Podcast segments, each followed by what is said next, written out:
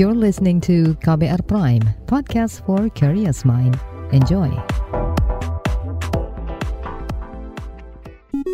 Saatnya Anda dengarkan Ruang Publik KBR yang dipersembahkan oleh Palang Merah Indonesia, didukung oleh USAID dan IFRC. Halo, selamat pagi. Kita berjumpa lagi di siaran Ruang Publik KBR. Ada saya Ines Nirmala yang menemani Anda pagi hari ini.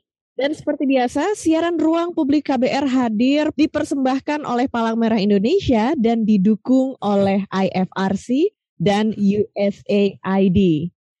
Pagi hari ini, siaran Ruang Publik KBR membahas seputar pentingnya vaksin booster di masa liburan sekolah.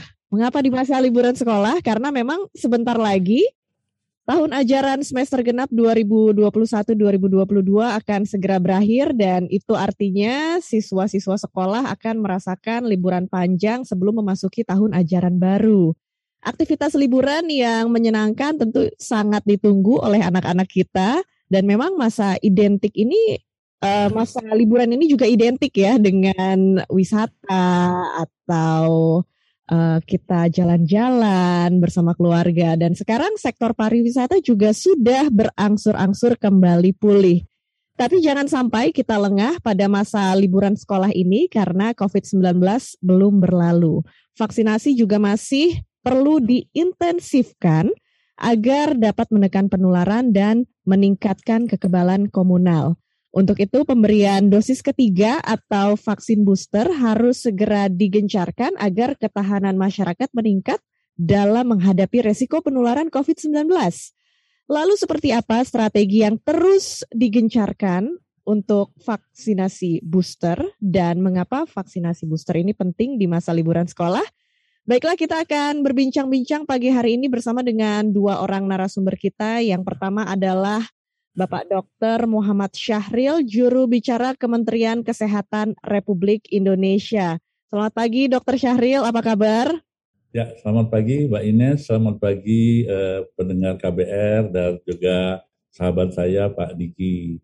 Alhamdulillah sehat-sehat, salam sehat semua.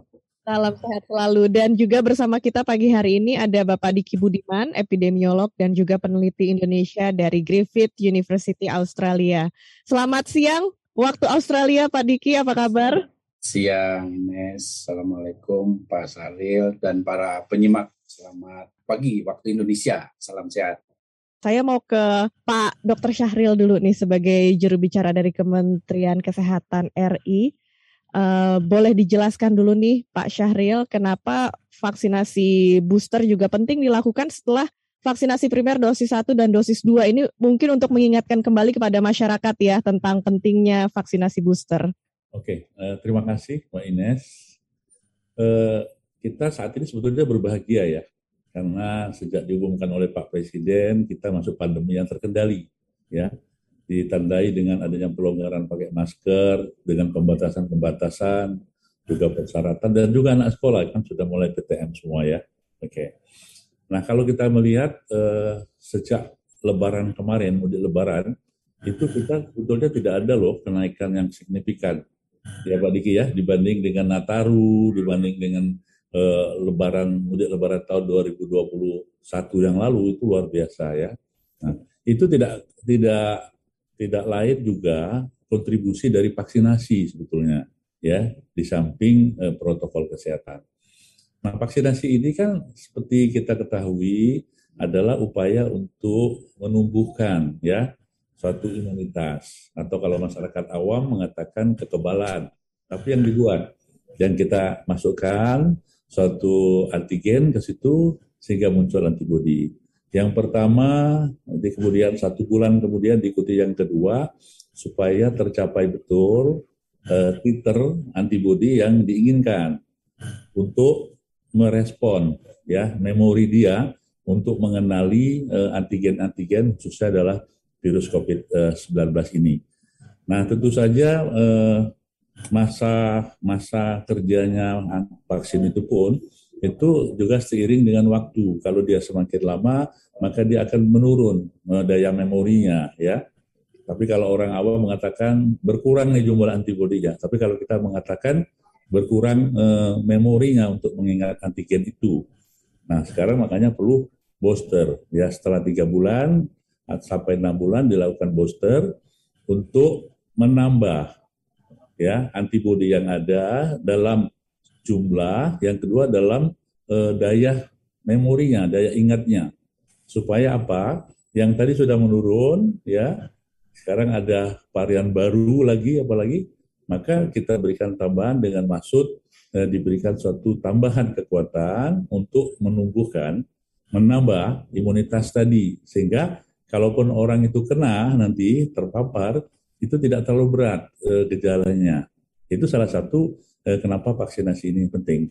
Iya, dan itu juga kenapa pemerintah terus mengejar target untuk vaksinasi COVID-19 ini ya Pak ya, baik yang primer ataupun booster untuk masyarakat ya, kita. Betul. Jadi kita saat ini kan eh, di data vaksinasi itu total sasaran kita kan 270 dari jumlah penduduk.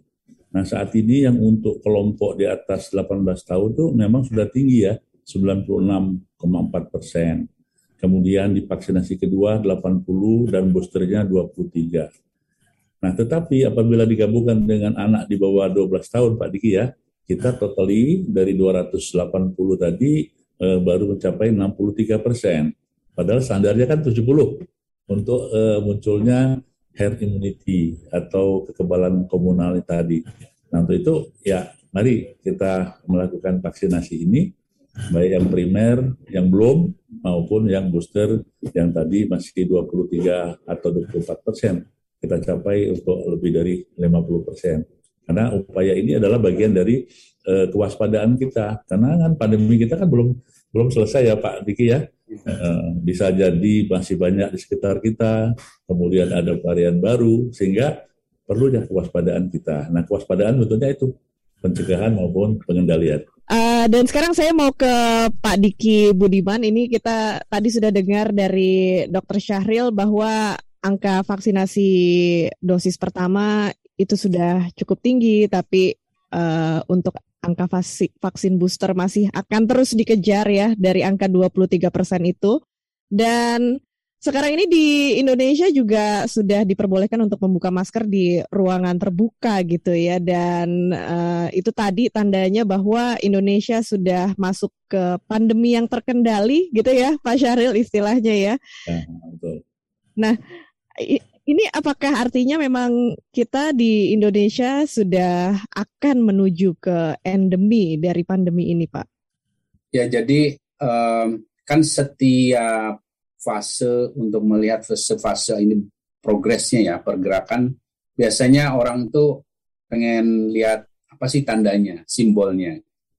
Nah, simbol dari situasi yang lebih membaik tuh mau nggak mau masyarakat di mana pun di dunia ini lihat pakai masker boleh dibuka nggak? Gitu masker bisa dibuka nggak? Kalau di satu wilayah kelihatan sudah ada pelonggar memakai masker itu nggak jadi kewajiban lagi itu secara uh, common sense masyarakat melihat wah situasinya sudah lebih aman. Itu secara psikologis makanya banyak negara di dunia uh, ini menggunakan pengetatan atau mandatori dari masker itu sebagai indikator dari situasi yang tadi disebut semakin baik itu gitu ya uh, atau progres yang sudah semakin uh, positif atau membaik. Nah itulah sebabnya ya bisa difahami dimaklumi ketika mas uh, pemerintah termasuk Indonesia membuat atau mencabut mandatori atau kewajiban memakai masker di luar di luar ruangan kan sebetulnya yang dicabut itu sebetulnya itu.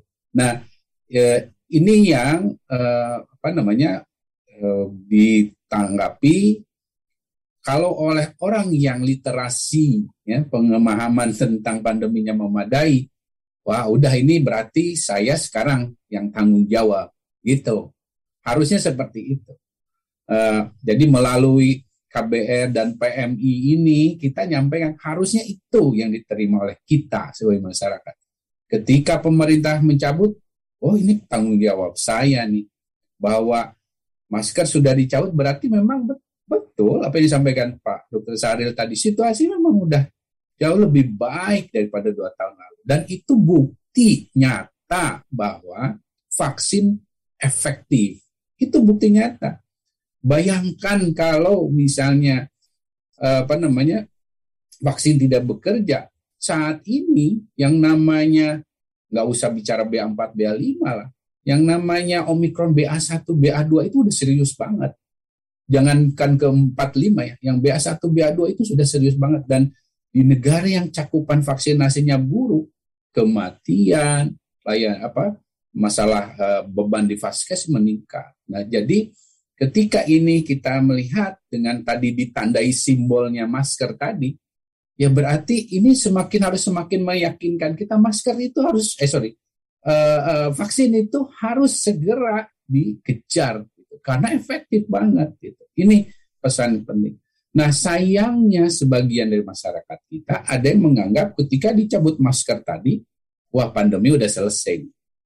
Padahal belum kan pandeminya belum. Nah ini yang tidak kita harapkan dan ini yang harus kita perbaiki dengan komunikasi strategi saat ini melalui KBR juga nih saat ini. Kita ingatkan bahwa namanya masa transisi ini ya maksudnya ada pergeseran tadi tanggung jawab dari yang tadi pemerintah ke individu gitu.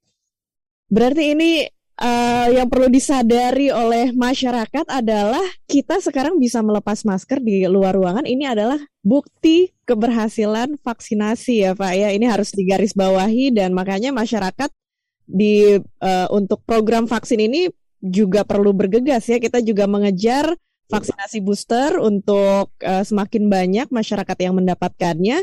Dan mungkin dikaitkan juga ya Pak Diki dengan tema kita pagi hari ini di mana uh, masa liburan sekolah akan hmm. segera datang gitu ya dan ya. memasuki masa libur sekolah ini mengapa vaksin booster menjadi penting?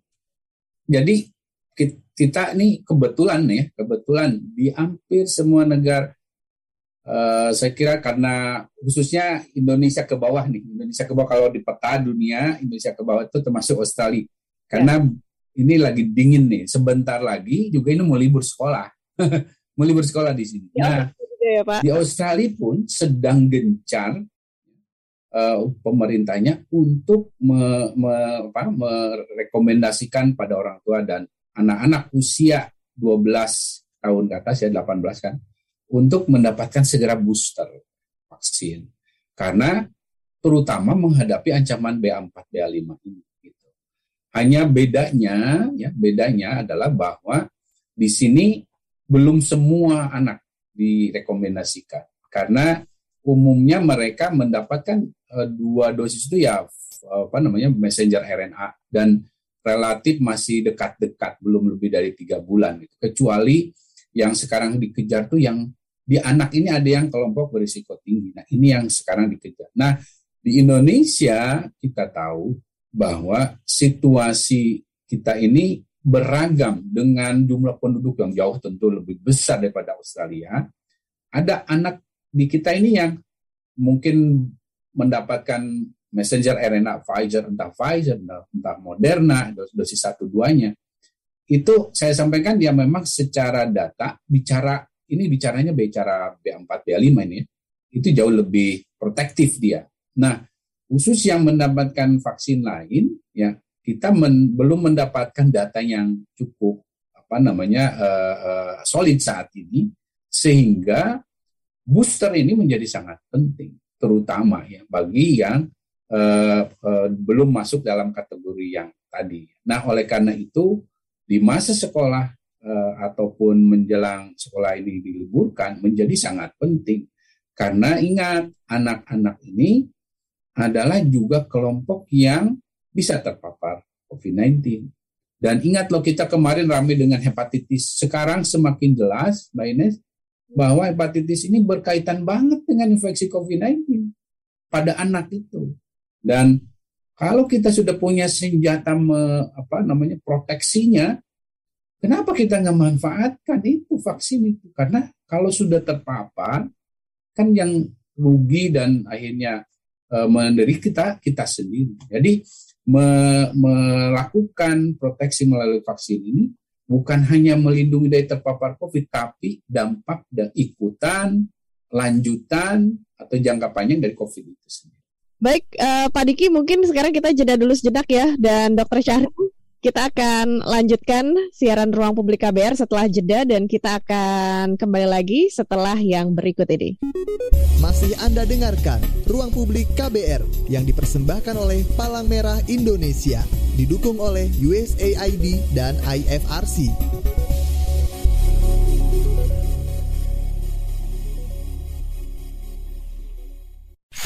Commercial break. Commercial break. Anda sering gelisah, tidak bisa tidur nyenyak, selalu merasa ada yang merasuki pikiran Anda. Ini bukan iklan horor atau cerita seram, tapi kalau Anda mengalami hal seperti itu, Anda pasti ketinggalan berita terupdate yang lagi ramai diperbincangkan. Gak mau kan dibilang ketinggalan berita?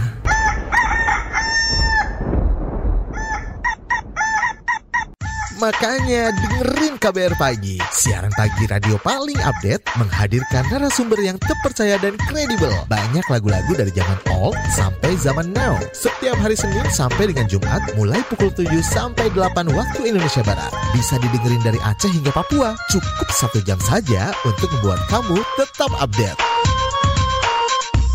Woi, ayam siapa nih? Berisik, saya mau dengerin kabar pagi. Masih Anda dengarkan Ruang Publik KBR yang dipersembahkan oleh Palang Merah Indonesia, didukung oleh USAID dan IFRC. Kita kembali lagi di siaran Ruang Publik KBR yang disiarkan langsung dari Markas Pusat Palang Merah Indonesia di Jakarta. Ruang Publik KBR pagi hari ini masih membahas seputar pentingnya vaksin booster di masa libur sekolah dan pagi hari ini kita juga masih bersama dengan Dr. Muhammad Syahril, juru bicara Kementerian Kesehatan Republik Indonesia dan Dr. Diki Budiman, epidemiolog dan peneliti Indonesia dari Griffith University Australia. Baik, seputar topik yang kita bahas pagi hari ini yaitu pentingnya vaksinasi booster. Tadi kita juga sudah mendengar ya mengapa vaksinasi booster ini penting untuk uh, masyarakat dan juga tadi Pak Diki sudah menjelaskan bahwa sekarang kita bisa keluar rumah berada di luar ruangan tanpa masker itu juga karena keberhasilan vaksinasi. Saya kembali lagi ke Dokter Syahril, uh, bisa diceritakan atau dijelaskan Pak seperti apa strategi yang dilakukan pemerintah untuk mempercepat vaksinasi booster yang memang sekarang masih ada di angka sekitar 23 persen. Oke, eh, terima kasih Mbak Ines dan para pendengar KBR. Pertama ingin kami sampaikan bahwa vaksinasi eh, vaksin untuk eh, vaksin primer maupun yang booster sudah tersedia. Semuanya gratis, gitu Pak Diki ya. Presiden ya. sudah menjamin itu.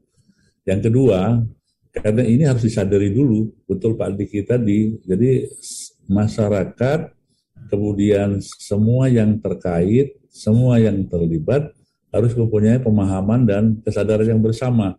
Kalau vaksin ini adalah eh, yang harus kita gerakkan dan harus kita capai bersama-sama. Ini dulu. Nah kalau ini tidak eh, kita sepakati, maka nanti geraknya nggak nggak kenceng gitu Pak Diki ya. Nah, kita punya strategi eh, yang lalu yang di mana eh, peningkatan cakupan vaksin satu, vaksin dua dan booster itu tinggi Pak ya, yaitu dengan cara membuka sentra-sentra vaksinasi. Ya, saya ulangi, kita membuka sentra-sentra vaksinasi yang dilakukan oleh berbagai pihak. Ada TNI Polri, ada BUMN, ada pihak swasta, apalagi ya, ada yeah. perguruan tinggi, ada sekolah. Nah itu eh, dampaknya luar biasa, meningkat sekali. Dan yang kedua, dukungan dari eh, kepala daerah atau pemerintah daerah, ya, umpamanya gubernur, Pak Camat, kemudian bupati, ya, wali kota, itu sangat luar biasa karena beliau-beliau inilah sebagai leader di daerahnya dan sekaligus sebagai yang tokoh untuk memberikan panutan. Nah, saya kira kita akan menggerakkan itu dan mohon dengan media ini pun itu diharapkan, ayo kita mulai lagi berlomba-lomba untuk mengaktifkan sentra-sentra vaksinasi yang eh, tadi dinilai agak menurun atau kendor, sekarang eh, kita tingkatkan karena apa? Sekarang ada satu lonjakan kasus loh ya, ada varian baru loh, dan itu merupakan ancaman kita bersama. Sehingga eh, kita satu-satunya cara melalui vaksinasi dan melalui protokol kesehatan. Untuk ancaman terhadap varian baru ini sendiri, Pak, uh, bagaimana Kementerian Kesehatan melihatnya dan apakah uh, mungkin bisa terjadi potensi lonjakan ke depannya dan seperti apa persiapan dari Kementerian Kesehatan? Ya, jadi karena kita ini masih masa pandemi, maka uh, angka-angka tadi, angka penambahan kasus, angka hospitalisasi, hospitalisasi itu adalah orang yang dirawat di rumah sakit ya, kemudian angka kematian itu bisa berfluktuasi, Pak. Jadi jangan sampai kita, oh nanti uh, ini turun terus belum tentu karena kita masih masa pandemi, ya bisa naik bisa turun, apalagi dengan adanya varian asup varian baru ini. Nah, cuman kita uh, seperti yang disampaikan Pak Diki tadi, subvarian baru ini lebih lebih ringan lah gejalanya yang timbul berdasarkan laporan dari negara-negara yang telah melaporkan. Nah, kenaikan kasus eh, bisa terjadi seperti prediksi dari Pak Menteri Kesehatan mungkin di pertengahan Juli. Nah, kita akan antisipasi dan tidak terlalu panik ya, karena kita juga punya pengalaman Pak Diki ya di lonjakan Delta, lonjakan Omikron, Pak ya, itu naik semua. Apalagi sekarang kita eh, jauh lebih ringan gejalanya. Jadi nanti masyarakat tidak terlalu panik, nggak usah bingung, nggak usah galau, nggak usah istilahnya was-was cemas. Karena kenaikan ini akan uh, kita ikuti dengan upaya-upaya bersama dan kuncinya adalah tadi kita waspada dan melakukan protokol kesehatan termasuk uh, vaksinasi. Nah, jadi gitu Pak ya. Jadi kita jangan terlalu panik, jangan was-was. Jadi kenaikan itu bisa terjadi karena memang e, mutasi virus ini bisa menyebabkan kenaikan kasus. Cuman kita bisa melakukan mitigasi-mitigasi risiko yang terjadi. Memang tetap kita harus perlu waspada juga ya Pak ya dan tetap uh, melakukan protokol kesehatan. Itu tetap terus dianjurkan ya Pak ya. ya. Nah, saya mau ke Pak Diki Budiman. Ini seputar uh, vaksin vaksinasi yang kita lakukan yang merupakan upaya kita semua bersama-sama untuk mempertahan um, untuk memperkuat daya tahan tubuh. Uh, bagaimana nih pendapat Pak Diki seputar vaksinasi booster yang sepertinya di masyarakat kurang mendapat respon yang tinggi dan lajunya juga lambat ya untuk vaksinasi booster? Ya, ini umumnya karena merasa sudah aman, gitu. merasa sudah enggak perlu, gitu. atau uh, yang lebih uh, dikhawatirkan lagi sebagian terpengaruh lagi dengan teori konspirasi hmm. ataupun karena ada pengaruh uh, apa berita atau infodemik ya disebutnya atau berita-berita hoax. Nah inilah yang harus diadres atau di sebetulnya dikaji dan dilihat dan diintervensi oleh pemerintah daerah. Karena kalau bicara uh, apa, respon seperti ini atau penyebab penurunan ini akan sangat bervariasi antar daerah, akan sangat bervariasi. Mungkin daerah yang begitu religius ya, itu biasanya isu tentang halal haram jadi banyak gitu di situ. Atau bicara daerah yang lebih mungkin kota itu saintifik atau masalah isu-isu yang lebih ilmiah akan mengemuka misalnya ini vaksinnya efektif nggak untuk yang B4B5 kan begitu.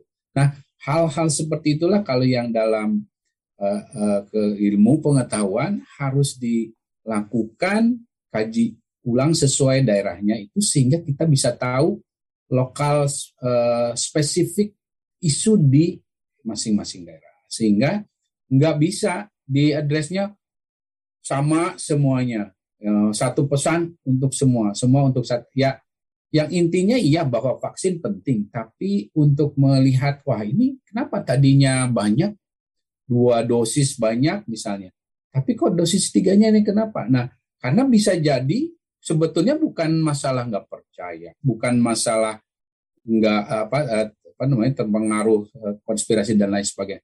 Tapi pada lansia misalnya nggak ada yang nganter gitu nggak ada yang nganternya. Atau bahkan bisa jadi karena waktunya untuk orang kota ini kan Senin sampai Jumat kerja. Ya waktunya ya harusnya Sabtu Minggu gitu. Yang disebut tadi oleh Dr. Saril ada sentra-sentra vaksinasi, berarti masing-masing puskesmas, dinas kesehatan harus melihat situasinya. Oh ya udah kita adakannya Sabtu Minggu. Atau kalau untuk lansia ya didatangi dengan mobile ya, apa eh, vaksin misalnya. Jadi eh, penyebabnya beragam dan inilah yang tentunya mekanisme diskusi eh, dengan masyarakat, mekanisme juga peran aktif dari masyarakat menjadi sangat penting ya, untuk supaya pemerintah bisa address. Baik, jadi memang uh, diperlukan juga ya peran serta pemerintah untuk masyarakat juga disesuaikan dengan masing-masing daerahnya juga ya untuk menghadapi kenapa nih vaksin Betul. lajunya lambat gitu ya Pak ya. Oke, baik. Sekarang ini uh, juga sudah ada penelpon ya yang masuk ke siaran kita. Kita angkat sekarang? Oke, baik. Langsung saja kita angkat. Selamat pagi dengan Selamat pagi Mbak. Iya, halo dengan Bagas ya? Iya, saya dari Iya, Bagas, Bagas di Jakarta. Apa yang mau ditanyakan atau disampaikan? Uh, untuk anak-anak, apakah sudah bisa vaksin booster dan di umur umur berapa untuk anak-anak yang bisa vaksin booster ya? Oke, pertanyaannya vaksin booster untuk anak-anak ya. Baik, Pak Bagas nanti akan dijawab pertanyaannya setelah jeda. Terima kasih sudah bergabung di ruang publik KBR. Dan kita akan kembali lagi ke siaran Ruang Publik yang dipersembahkan oleh PMI Palang Merah Indonesia dan didukung oleh IFRC dan USAID. Masih Anda dengarkan Ruang Publik KBR yang dipersembahkan oleh Palang Merah Indonesia, didukung oleh USAID dan IFRC. Kita masih di siaran Ruang Publik KBR yang live dari Markas Pusat Palang Merah Indonesia di Jalan Gatot Subroto, Jakarta. Masih bersama saya Ines Nirmala dan juga dua orang narasumber kita, Dr. Muhammad Syahril, juru bicara Kementerian Kesehatan Republik Indonesia, dan juga Dr. Diki Budiman, epidemiolog dan peneliti Indonesia dari Griffith University Australia. Pak Syahril, tadi sebelum jeda ada pendengar kita yang minta pencerahan nih Pak seputar vaksinasi booster bagi anak-anak. Silahkan dijelaskan Pak Syahril. Ya, terima kasih uh, Mas Bagas ya. Iya, Bagas di Jakarta. Jadi booster saat ini masih prioritasnya untuk orang dewasa ya, di atas 18 tahun ya, 18 tahun. Dan di dunia pun baru tiga negara ini yang sudah memulai booster anak-anak ya. Nah, kenapa kita belum melakukan? Karena satu, memang kita prioritasnya adalah di vaksinasi primer, yang satu dua tadi, dan booster. Yang untuk orang lansia, kemudian komorbid, eh, dan juga tenaga kesehatan. Nah, untuk anak-anak belum menjadi prioritas setelah eh, saat ini, dan ini sedang menjadi pemikiran bagi kita semua karena ada beberapa rekomendasi dari CDC, terutama Amerika, dan juga dari uh, Itagi, yaitu Itagi itu adalah suatu uh, penasehat pemerintah di bidang uh, imunisasi ya, itu untuk juga memasukkan setelah prioritas ini bahwasanya nanti ada booster juga untuk booster keempat itu ya Pak ya jadi vaksinasi mm-hmm. keempat yang disebut dengan booster kedua itu di beberapa negara juga sudah melakukan, tapi untuk kita uh, masih belum karena kita masih mengejar uh, prioritas pertama ini. Sehingga pada Mas Bagas untuk anak-anak itu belum kita lakukan uh, boosternya. Dengan dengan apa? Dengan maksud memang antibodi yang dibentuk melalui vaksinasi satu dua pada anak-anak masih cukup tinggi dan Eh, reaksi memori dari antibodi yang pada anak-anak itu lebih tinggi eh, daripada orang-orang dewasa. Oke. Okay. Ya, jadi memang vaksinasi booster ini dikhususkan prioritasnya untuk orang-orang dewasa jadinya ya, Pak ya. ya. orang dewasa usia lanjut terutama, mm -hmm. kemudian dengan komorbid gitu, Pak ya. Iya. Oke, baik. Nah, ini saya mau sambungkan juga ke Pak Diki uh, terkait anak-anak yang memang uh, belum mendapatkan vaksin booster karena memang sudah ada uh, sebab dan alasannya yang disampaikan oleh Dr. Syahril tadi. uh, mungkin bisa ditambahkan juga Pak, uh, uh, mengapa uh, vaksinasi booster ini uh, dikhususkan untuk orang-orang dewasa, komorbid, dan anak-anak belum? Ya, jadi kebijakan yang diambil hampir semua negara ya saat ini memang anak-anak hanya ketika jumlah vaksin ya kalau negara maju vaksinnya banyak banget kan mm-hmm. banyak banget. Nah pada negara maju seperti Australia lah itu pun memang nggak semua anak diberikan vaksin booster. Ya. Itu singkatan booster, karena anak-anak ini secara risiko ya, memang mereka saat ini jauh lebih kecil ya, terpapar. Karena uh, orang-orang di sekitarnya sudah memiliki dosis bahkan banyak yang sudah tiga dosis kalau di negara maju. Sehingga minimal mereka sudah dapat dua dosis sehingga bekalnya itu sudah sudah jauh lebih baik. Nah sehingga bukan berarti anak-anak anak ini nggak divaksin kan yang yang di atas enam tahun kan bahkan di beberapa negara yang tiga tahun ke atas sudah mulai. Nah dua dosis itu yang dikejar. Itu yang kejar dan tentunya dengan kondisi anak yang juga secara imunitas jauh lebih uh, apa namanya lebih uh, baik dibandingkan lansia misalnya atau yang komorbid. Nah ini yang membuat mereka dalam urutan vaksinasi program itu untuk wabah dalam situasi wabah itu ada skala prioritas. Gitu. Ada skala prioritas yang disesuaikan dengan kondisi si anak, hasil tubuh dari uh, populasi itu risikonya termasuk ketersediaan vaksin. Gitu. Mm-hmm. Jadi termasuk juga efektivitas dalam rangka strategi. Hmm, siapa yang menjadi apa kontributor? Siapa yang menjadi kalau kita sebut sebut sebagai si penyebar? Nah orang yang begini kan orang yang kalau usia kita disebutnya yang milenial itu apa? Yang kalau generasi Z itu yang senang travel, mobilitas tinggi kan? Iya. interaksi yeah. tinggi. Nah, itu wajib. Itu mm -hmm. wajib booster. Bahkan pada kelompok lain yaitu apa? Yang berkontribusi besar pada peningkatan layanan rumah sakit, misal masuk ICU atau kalau sakit dia bakal parah. Yang tadi disebut oleh dokter Saril yang komorbid tadi, yang lansia. Nah, itu wajib gitu.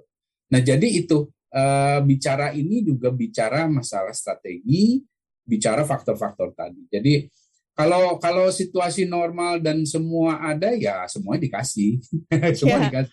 Tapi okay. karena kita saat ini belum lagi kan kita ingat ya Mbak Ines dan para pendengar KBR, tenaga vaksinator kita ini terbatas luar biasa mereka itu. Bekerja udah dari sejak 2021 awal sampai sekarang. Sehingga ini juga harus melihat kesiapan di daerah itu, SDM-nya dan lain sebagainya. Oke, Pak Diki dan Dr. Syahril, sekarang ini juga sudah ada pendengar kita yang bergabung lewat telepon, yaitu Susi di Bogor. Kita langsung saja angkat teleponnya. Selamat pagi, Susi. Halo, selamat pagi. Iya, Susi, apa yang mau ditanyakan kepada narasumber kita? Iya, saya mau nanya nih ke, uh, ke Pak Diki nih. Ya. Kan sebuah hari uh, Presiden Jokowi bilang yang soal pelonggaran memakai masker jika berada di luar di luar ruangan terbuka yang tidak banyak orang. Menurut Mas Diki, ya. ke, uh, ini kecepatan nggak sih pemerintah ngomongin soal ini gitu loh? Karena hmm. ini uh, masyarakat Indonesia ketika menangkap ada pelonggaran masker, mereka mengira ya udah longgar semuanya dalam hal apa pun. Hmm. Padahal kan maksud hmm. pemerintah longgar ketika di ruang terbuka, tapi ketika di dalam ruangan tertutup, apalagi banyak orang, ya tetap pakai masker dong ya. Nah, saya ya. sendiri aja uh, kayak uh, kalau boleh ya ngasih ide ke pemerintah gitu, jangan dulu deh woro-woro pelonggaran pakai masker karena COVID masih ada gitu loh. Walaupun mungkin sudah menurun jumlahnya orang yang terinfeksi. Kemudian juga kantor-kantor sekarang udah banyak yang menuju 100% masuk semua karyawan. Nah itu juga kan bikin deg-degan juga gitu loh. Seolah-olah kayak apakah kita ini terlalu pede bahwa COVID ini udah yang sangat sedikit sekali atau gimana Pak Diki? Makasih ya. itu aja saya resah Pak Diki. Thank you. Terima kasih Susi di Bogor. Ini pendengar kita yang kritis ya. Boleh langsung ditanggapi Pak Diki. Ya, kalau bicara uh, kecepatan ya iya. Nah, saya harus harus jujur jawab iya kecepatan. Karena apa? Karena statusnya masih pandemi. Tapi kalau apakah itu untuk konteks dalam kajian apa kebijakan tadi uh, pertimbangan politis dan lain sebagainya, ya itu itu pertimbangan lain gitu. Itulah kewenangan pemerintah. Artinya berarti ada PR di sini. Ada PR di pihak pemerintah yang belum atau harus ditingkatkan. Yaitu apa? Di strategi komunikasi risiko. Nah, hal-hal seperti yang kita adakan saat inilah yang harus mengisi gaps itu. Gitu. Karena ternyata sebagian masyarakat kita belum siap menganggap bahwa begitu dicabut dianggap yang tadi saya sampaikan oh, selesai pandemi gitu. Jadi nah tentunya uh, jawaban saya saya tegas sih begitu, tapi di sisi lain kan sebagai uh, apa namanya yang suka dimintai nasihat saya akhirnya diminta kalau gitu gimana dong saatnya udah telanjur nih kayak gini telanjur diambil. Nah kita tentu tidak bisa uh, bersikap pasif harus pro, pro, proaktif dalam artian berarti pemerintah kita dukung pemerintah daerah dan juga semua pihak saat ini membangun literasi karena literasi itulah yang akan membangun persepsi risiko. Itulah strategi komunikasi risiko itu itu. Bahwa orang itu harus tahu kapan di mana dengan siapa dia bisa buka masker. Nah itu kan literasi yang harus dibangun. Nah ini tidak mudah karena masalahnya kalau bicara uh, strategi komunikasi risiko akan bergantung juga pada grup atau target grup itu. Nggak bisa kita bicara agak ilmiah gitu ya pada misalnya di dengan latar pendidikan berbeda. Nah, uh, tentu ini menjadi PR uh, bahwa saat ini sudah dibangun atau ditetapkan seperti itu, ya oke lah itu karena kewenangan sudah ada di pemerintah. Nah sekarang kita ingatkan lagi Bahkan kalau boleh juga ya memperkuat tadi Mas Susi misalnya ya, saya ingin juga mengingatkan bahwa oke okay lah pemerintah kalau gitu dipertegas lagi bahwa oke okay, di luar ruangan tapi ingat loh sebetulnya arahan Pak Presiden itu di bawahnya itu di dalam ruangan. Jadi sebetulnya kalau saya melihat implisit ya secara implisit tidak eksplisit implisit itu sebenarnya masih ng nganjurkan pakai masker gitu.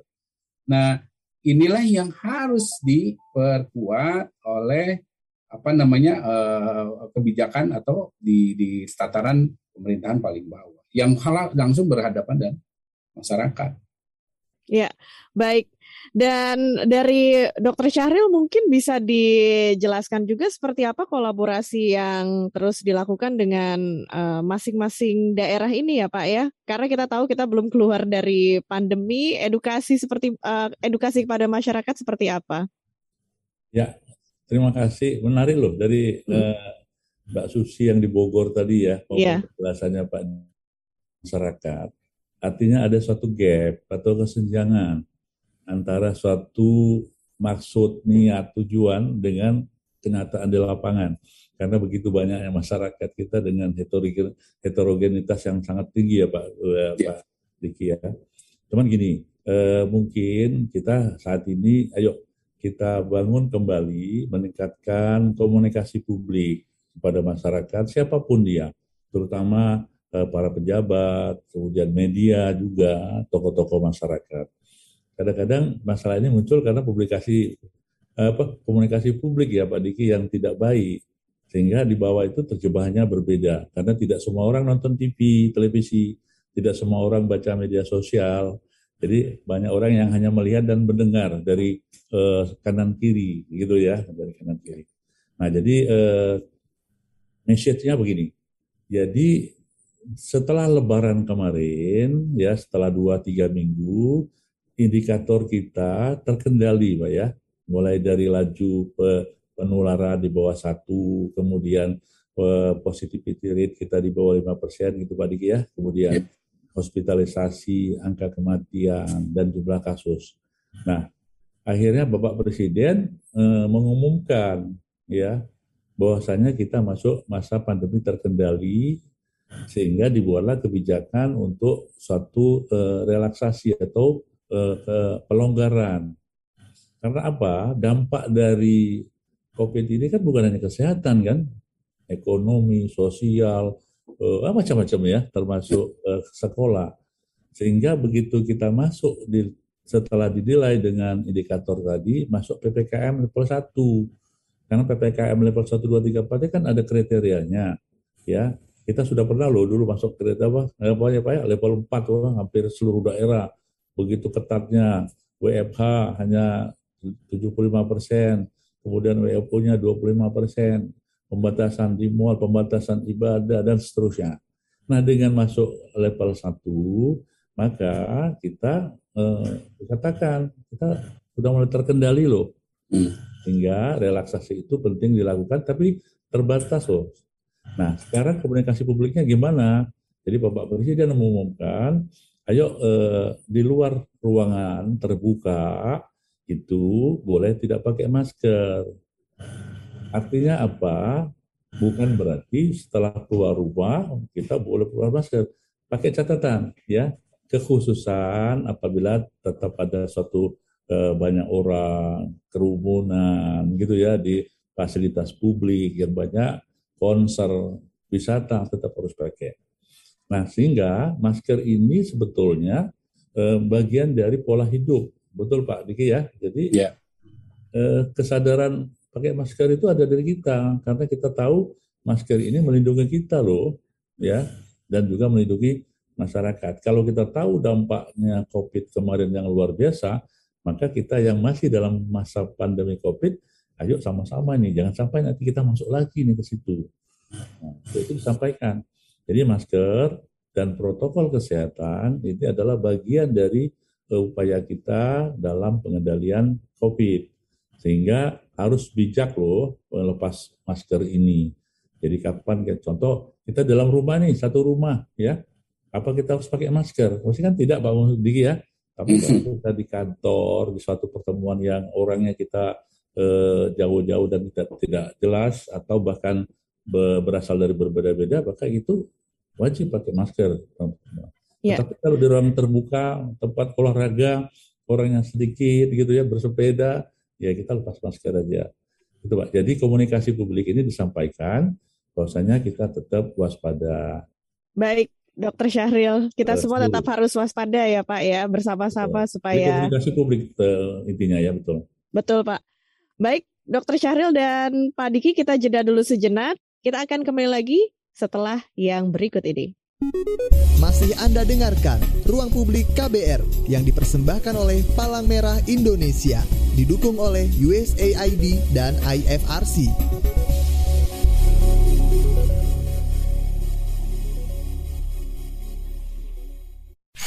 Commercial break. Commercial break. Ada kesedihan, air mata, dan trauma. Namun ada juga gelak tawa, bahagia, dan rasa bangga. Cerita kehidupan manusia adalah perjuangan dan pembelajaran. Pertanyaan dibalik itu secara psikologi, apakah dia punya niat membunuh? Kan belum tentu. Saya kaget ketika ada konflik sesama orang Madura sendiri mengatasnamakan aliran keagamaan. Sejak itu, warga Syiah harus mengungsi sampai sekarang. Untuk kehidupan saya pada waktu itu aja nggak menentu kan. Boro-boro mikirin untuk perpustakaan gitu. Saga, cerita tentang nama, peristiwa, dan fakta. Liputan khas KBR ini telah memenangkan berbagai penghargaan nasional dan internasional. Anda sedang mendengarkan program Saga Produksi KBR. Simak di program Buletin Pagi pukul 6 waktu Indonesia Barat, Buletin Sore pukul 16 waktu Indonesia Barat, dan KBR Pagi pukul 7 waktu Indonesia Barat. Dengarkan Saga di radio jaringan KBR di Nusantara atau streaming di kbr.id. Saga juga hadir dalam bentuk podcast di kbrprime.id. KBR Inspiratif Terpercaya. Masih Anda dengarkan Ruang Publik KBR yang dipersembahkan oleh Palang Merah Indonesia, didukung oleh USAID dan IFRC. Kita kembali lagi di siaran Ruang Publik KBR dan kita sekarang sudah masuk ke bagian terakhir bersama saya Ines Nirmala dan juga dua orang narasumber kita yaitu Dr. Muhammad Syahril, juru bicara Kementerian Kesehatan Republik Indonesia, serta Bapak Diki Budiman, epidemiolog dan peneliti Indonesia dari Griffith University Australia. Baik, saya mau ke Dr. Syahril. Kali ini ada pertanyaan Pak dari pendengar kita yang mengirimkan komentar lewat YouTube dari Aulia Aryani. Uh, pertanyaannya begini Pak, pesan informasi apa yang paling jitu tentang booster supaya masyarakat mau divaksin booster? Ya, silahkan dokter. Ya, memang eh, ahli komunikasi publik harus mendesain ini ya, karena di era digital ini memang harus ada pesan-pesan yang mudah di, dicerna bagi orang ya, kemudian mudah di, di apa diinterpretasikan. Dan Kementerian Kesehatan sudah mulai banyak ini membuat suatu flyer-flyer, ajakan-ajakan bagaimana eh, dapat dilakukan eh, apa informasi publik tentang apa namanya booster ini. Tetapi bagaimanapun yang saat ini kita hadir mendengar dan juga dari radio eh, KBR ini KBR KBR ini dapat uh, lebih me membumikan lagi komunikasi publik ini pentingnya booster ya. Apalagi tadi kalau uh, kita akan apa libur sekolah, berarti akan kerumunan lagi banyak orang, maka uh, seperti yang lalu kita mudik lebaran syaratnya pakai booster gitu ya. Orang-orang semuanya booster dan alhamdulillah memang ada dampaknya. Iya, gitu. baik. Oke, dan terakhir mungkin Dokter Syahril, silakan memberikan himbauan atau pesan kepada masyarakat, terlebih lagi uh, mengingat sekarang menuju liburan sekolah ya Pak ya, bagi keluarga yang ingin mengajak anak-anaknya untuk berwisata gitu, apa pesan yang ingin Anda sampaikan? Ya pesannya sadar betul kita kalau kita masih dalam pandemi gitu ya, walaupun terkendali. Nah sehingga semua orang, semua keluarga harus melakukan kewaspadaan untuk apa? Untuk melakukan pencegahan sekaligus pengendalian. Karena apa? COVID ini bisa kena kita, bisa kena keluarga kita, sahabat kita, dan seterusnya. Itu yang pertama. Yang kemudian yang kedua, dengan uh, adanya kenaikan kasus karena varian baru, maka kita juga menyikapinya dengan suatu hal yang proporsional. Tidak berlebihan, tidak panik, ada yang orang mengusulkan langsung dipasek apa dibuat kebijakan yang baru itu jangan gitu kita semua ada ada apa namanya uh, ukuran-ukurannya ya untuk melakukan satu uh, pengambilan keputusan atau kebijakan. Nah tentu saja terakhir perilaku hidup bersih dan sehat, protokol kesehatan, ya saya kira ini sudah melekat di hati kita kan. Tapi kalau tadi banyak yang tidak disiplin, saya melihat justru banyak juga yang disiplin Pak Diki ya. Udah itu dia karena memang udah merasa betul dia ini nyaman dengan satu masker ini walaupun dia di lingkungan luar karena dia betul-betul sadar ya. Dan terakhir vaksinasi tadi Mbak ya, tolong booster ini di, dibantu juga oleh KBR dan teman-teman pendengar. Ayo kita uh, lakukan booster untuk meningkatkan uh, imunitas kita sekaligus menekan uh, daya, apa namanya kesakitan apabila kita terpapar. Terima kasih ya. Terima kasih Dokter Syahril. Dan dari Pak Diki silakan Pak ada pesan untuk pendengar ruang publik KBR terutama yang ingin memanfaatkan masa liburan sekolah ini untuk wisata jalan-jalan ataupun pesan untuk pengelola tempat wisatanya nih Pak. Silahkan. Ya kita harus menyadari ya bahwa dunia ini nggak sama dengan sebelumnya. Nggak sama ya saya sampaikan nggak sama. Meskipun nanti pandemi dicabut statusnya dunia tidak sama. Dunia makin rentan. Dunia makin butuh peran kita untuk kembali sehat. Karena apa? Perubahan iklim yang terjadi ini membuat potensi terjadinya wabah berikut itu sudah di depan mata. Nah, adanya peran kita dengan hidup sehat, menjaga harmonisasi dengan lingkungan, dengan kesehatan hewan bukan hanya manusia, itu menjadi penting. Dan pada saat ini, ketika situasinya masih dalam status pandemi, tentu membatasi diri, ya, bahwa kita memang perlu uh, bisa dan memang dimungkinkan saat ini untuk melakukan aktivitas, tapi bahwa kita juga harus berperan dalam meredam terjadinya penularan itu harus kita lakukan dengan cara apa? Ya perilaku memakai masker, menghindari kalau misalnya daerah yang akan kita tujunya itu akan Baik, padat. Pak Diki singkat saja karena waktunya yang, terbatas. Ya, cari yang ini aja yang outdoor yang yang lebih aman ya tidak terlalu apa tidak terlalu ramah orang itu saja Uh, okay. Dan kalau bisa nggak bawa orang-orang yang berisiko, bayi ataupun orang hamil ataupun lansia ya jangan. Kita ya. pergi yang aman-aman dulu.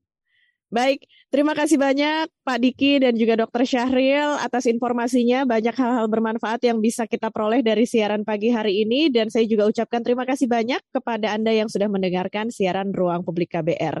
Akhirnya saya Ines Nirmala juga pamit undur diri. Sampai jumpa lagi. Salam sehat selalu. Wassalamualaikum warahmatullahi wabarakatuh. Baru saja Anda dengarkan Ruang Publik KBR yang dipersembahkan oleh Palang Merah Indonesia, didukung oleh USAID dan IFRC.